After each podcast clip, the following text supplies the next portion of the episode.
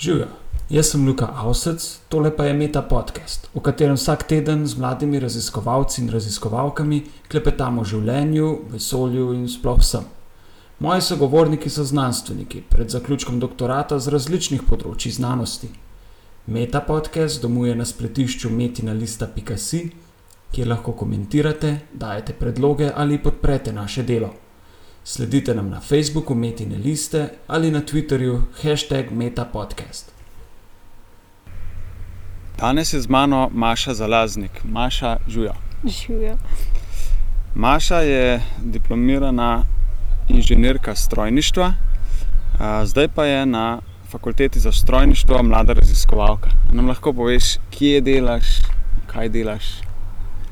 Ja, kot rečeno, jaz delam na fakulteti za strojništvo, bolj natančno v laboratoriju za tribologijo in površinsko nanotehnologijo, um, kot eno zelo mehko podsmer strojništva. Okay. A nam lahko poveš, kaj je to tribologija? Tribologija je v osnovi veda, ki se ukvarja z mazanjem, strenjem in pa z obrabo vseh živih materijalov, ki obstajajo. Se pravi, večinoma gre za dva različna ali pa enaka materijala, ki sta v nekem drsnem kontaktu. Ta kontakt je lahko mazan, sprav z raznimi olji ali ne mazan, in potem gledamo, kaj se dogaja s površinami, ki sta v tem drsnem kontaktu, ali se obrabljajo, se ne obrabljajo, koliko je visoko trenje, če se kaj segreva kot posledica trenja, če prihaja do kakšnih prenosnih filmov, sprav iz katere površine se material prenaša na drugo in podobno. Koliko raziskovalcev je približno vključenih v te vrste raziskav na vašem oddelku? Naš laboratorij je sestavljen iz približno 15 ljudi, zdaj številka malo niha, odvisno je, koliko je mladih raziskovalcev, koliko imamo študentov. Trenutno recimo imamo zelo veliko študentov na različnih praksah ali pa ki pomagajo pri različnih projektih. Seveda pač z vodjo laboratorija, potem z našo čudovito tajnico, z tehnikom. Tako da vse skupaj nas je potem v povprečju med 15 in 20, recimo, da nihamo. Omenila si, da je med temi tudi, da so kar tri mlade raziskovalke. To se mi zdi kar uh, nadpovprečno za strojni faks. Ja, mislim, da smo en izmed laboratorijev, ki ima največ žensk, in da so ostali v tem laboratoriju na nek način kar malo ljubosumni na naše fante, ker so pač obkroženi v bistvu štirimi puncami, pač tri smo še vedno mlade raziskovalke, pa našo tajnico. Tema, s katero se ukvarjate, je v bistvu že malo meji na vedo o materijalih, zato ker je to tudi eh, del tvoje doktorske naloge, da pravzaprav ugotavljaš, kako se eni plastični materiali obnašajo v kontaktu z drugimi materiali. Ja, tribologija sama po sebi je zelo interdisciplinarna in vključuje poleg strojništva še vedo o materialih, velike kemije, včasih pride kaj fizike. Uh, tako da moraš po tistem, ko zaključiš osnovno diplomo, moraš kar razširiti svoje znanje. In moj doktorat je bil, oziroma je zelo podoben, je bilo treba se kar veliko naučiti o teh materialih, um, medtem ko tistega samega strojništva je bilo pa mogoče potem na prvi pogled malo manj. Da mi prosim na kratko opiši, s čim se ukvarja tvoje doktorsko raziskovalno delo. Prav, uradni naslov je, so tribološke lastnosti polimera PIK s samomazalnimi delci molibdenovega disulfida in pa wolframovega disulfida.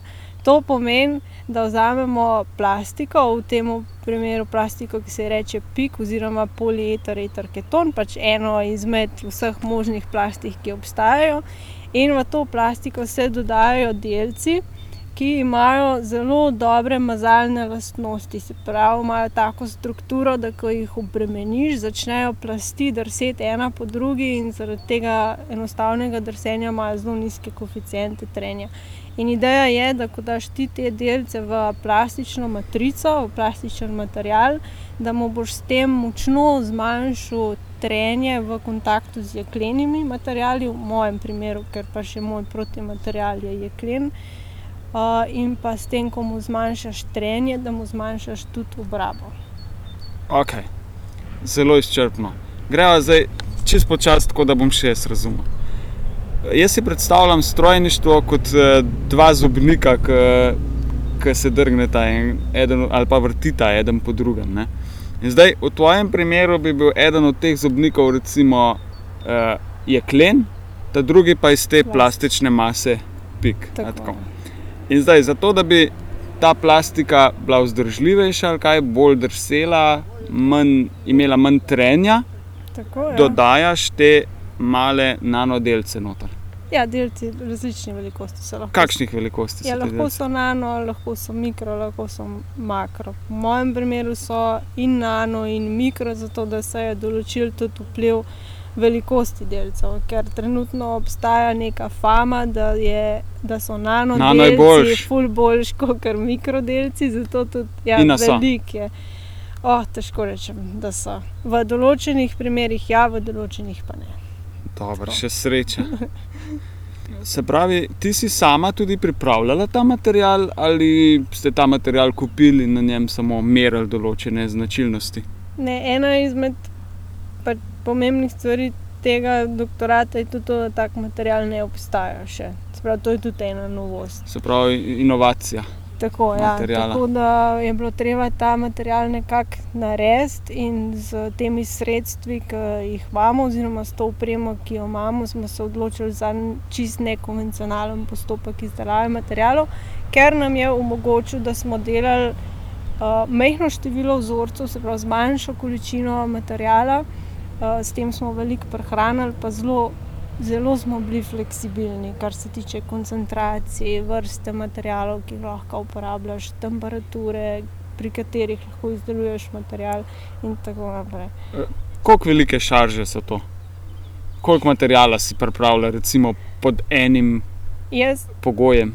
se pravi, moj, moj doktorat ima 20 različnih vzorcev. Dobro. Se Pravi, vsak je bil pa narejen recimo v ene petih izvodih. Dobro. Se pravi, To so res majhne količine. En izvod pomeni kaj, ena Pač- mala ploščica. Ja, ena mala ploščica, recimo. Ko si omenila različne temperature, kakšne pogoje uporabljaš, da sploh lahko narediš, namešaš tak material? Prav, kar se temperatur tiče, načeloma se vsi po, polimerni, sprav plastični materiali delajo. Um, če se delajo z brizganjem ali pa ekstrudiranjem, se delajo s temperaturami, ki so nad tališčem, zaradi tega, da dobiš ti tekoči material, ki zapolne tvoje urodje in iz tega dobiš ven izdelek. Mi smo s tem postopkom, ki smo ga uporabljali, smo ločili stiskanje in pa segrevanje na dva čist ločena uh, dela in smo lahko uporabljali tudi temperature, ki so pod tališčem materijala. Sprav, nismo bili več omejeni uh, samo temperaturo tališča, česar do zdaj tudi noben še ni poskusil. Spet inovacija, čestitam. Dajva zdaj govoriti mečken o metodah. Se pravi, rekla so, da sta to dva materijala, en je jeklen, en pa ta plastičen, ki jih potem kaj, med seboj drgneš in ugotavljaš, je, kakšen je koeficient trenja, koliko se posamezen, eh, oziroma ta plastičen material pri tem obrabi. Ne, na kakšne načine to gledaš? A to se vidi makroskopsko s prostim očesom ali rabaš posebne aparature? Uh, Vice tudi s prostim očesom, zato ker to niso tako majhne spet obrabe, da v tem primeru, ko imaš plastiko pa jeklo v kontaktu, se vidi na plastiki, da je obrabljena. Sploh pod svetlobo, če se jo malo obrača, se potem lahko drugače zasveti in se vidi obrabna sled. Uporabljajo se potem tako optične metode od, od teh klasičnih optičnih mikroskopov, potem pri nas imamo še mikroskop, ki dela s pomočjo interferometrije, kar pomeni, da posvetiš ob površino in gledaš, kako se ti žark od površine odbija. Tak mikroskop da ven zelo lepo 3D sliko površine. Potem smo, imamo pri nas še elektronski mikroskop, ki površino obstreljuje z elektroni in potem gledaš, kako se ti elektroni odbijajo od površine, oziroma kaj izbijajo iz površine ven, in na podlagi tega dobiš sliko. In potem vse te tri metode, kljub temu, da so v osnovi zelo podobne, spravo opazujemo površino, dajo ven tri popolnoma različne poglede na to površino. In iz tega potem lahko sklepaš, kakšne vrste obraba je bila.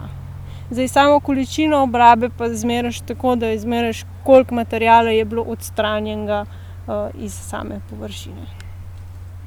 S tehtanjem, kako drugače? Ena metoda je tehtanje.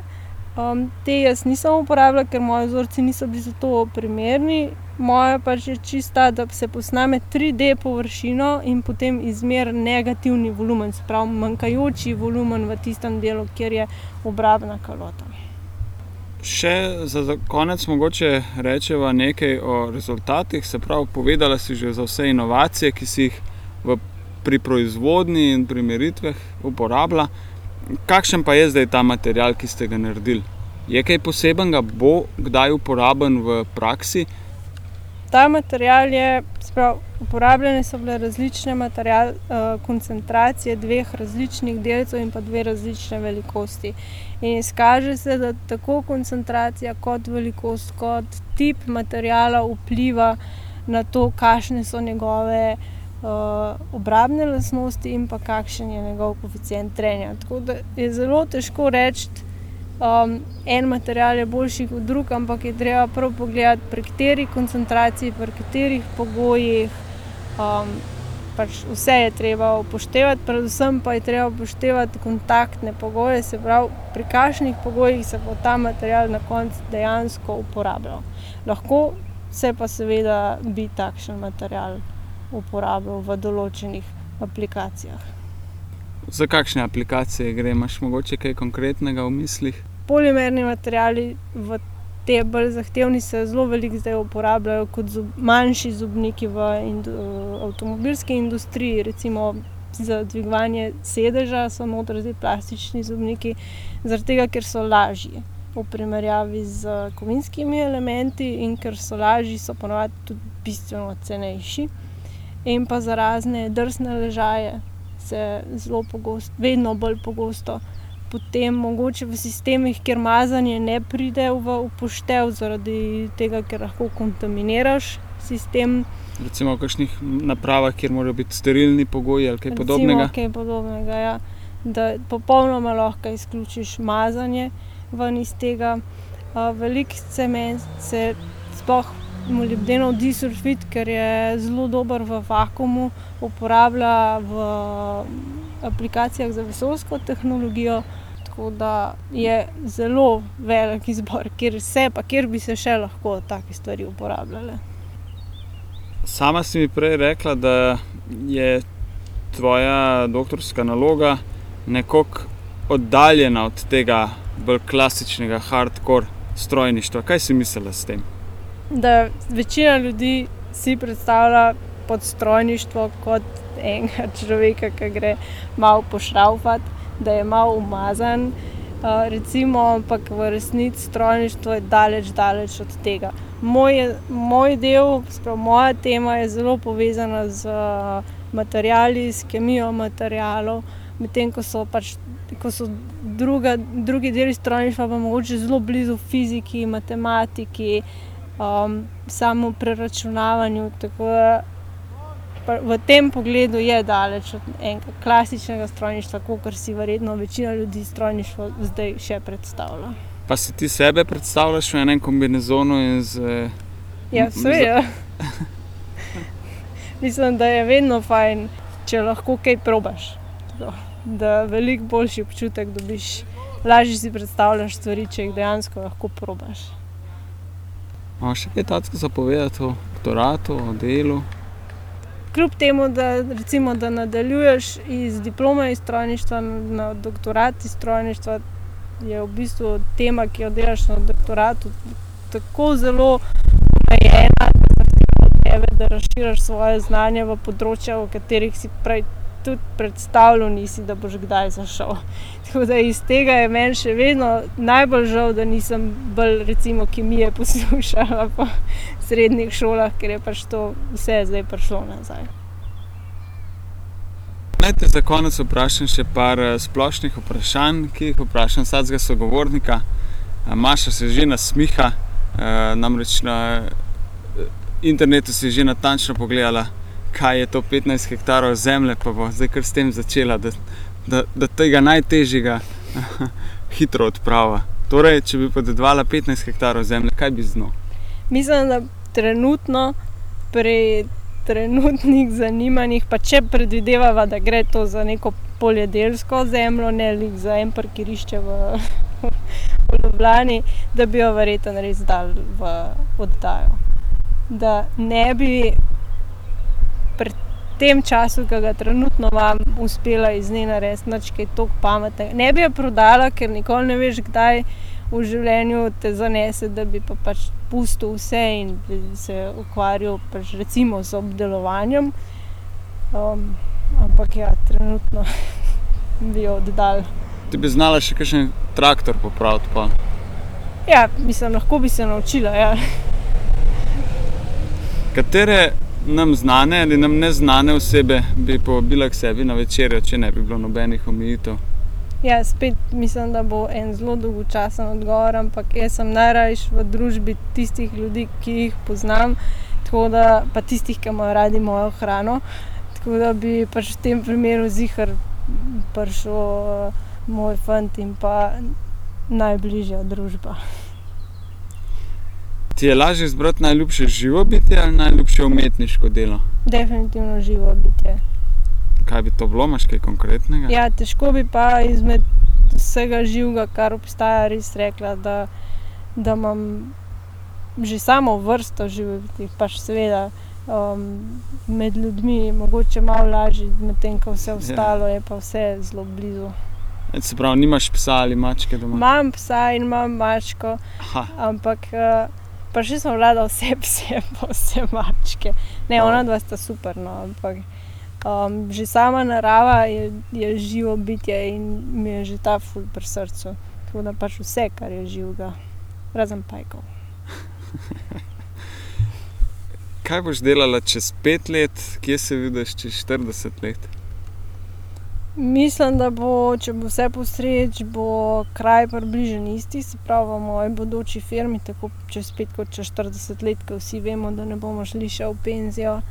Um, upam sam, da bo delo me še vedno veselilo do takrat. Se pravi, se podajaš v podjetniške vode, tako načrtuješ je. podjetje? Grem že v obstoječo podjetje, ampak nadaljujem pa celo, mislim, planiram celotno pot v tem podjetju. Bolj, bolj strojniško, bolj umazane prste, pa izvijače roke. Bolj, veliko bolj strojniško. In pa ja, upam in računam tudi na te umazane prste. Na fakulteti za strojništvo si del svojega časa preživela tudi v pedagoških aktivnostih, ne, vodila vaje za študente. Kako je to izgledalo, ti je bilo to delo všeč?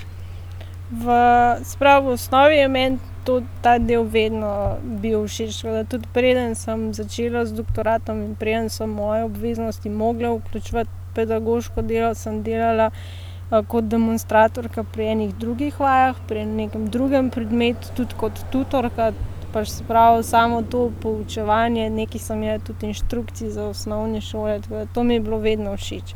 S, je pa tako, da to delo mi pa še dokler uh, učiš ljudi o nečem, o čemer nekaj veš. Se pravi, ko greš enkrat v neznane vode, um, je zelo težko učiti druge ljudi o tem.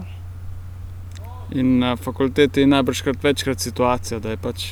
Tako je. Ja treba razlagati tudi teme, na katere nisi najbolj pripravljena.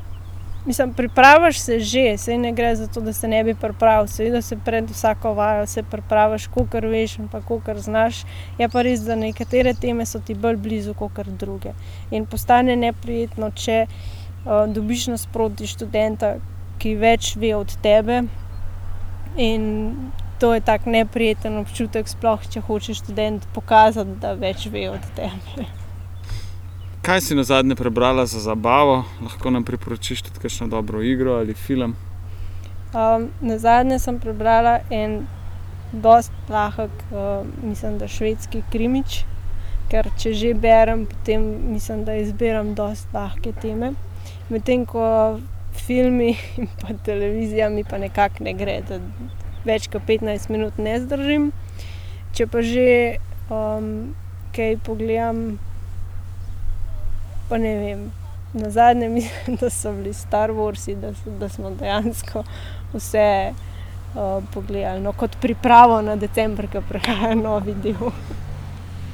Zdaj si kar precej zaposlena, e, tudi mi, da si se kar nekaj časa lovila za ta intervju. E, bila si tik pred oddajo e, doktorata, zdaj datum zagovora si že bliža, tako da ti želim e, vso srečo pri tem. E, Imáš zdaj kaj več prostega časa, kot si ga imela, si ga želiš še več, kako je s tem?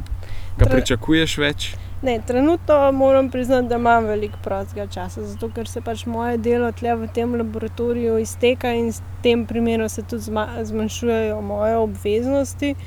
Um, tako da imam več prostega časa, v prihodnosti ne pričakujem, da bi imela še toliko prostega časa, kot ga imam zdaj. Ampak mislim, da me ne bi smel motiti tako, da bom v tistem, v kar grem, zelo uživala in da bo to neka kompenzacija za pomankanje prostega časa. Maša za laznik, hvala za pogovor. Prosim. Poslušali ste Meta podcast.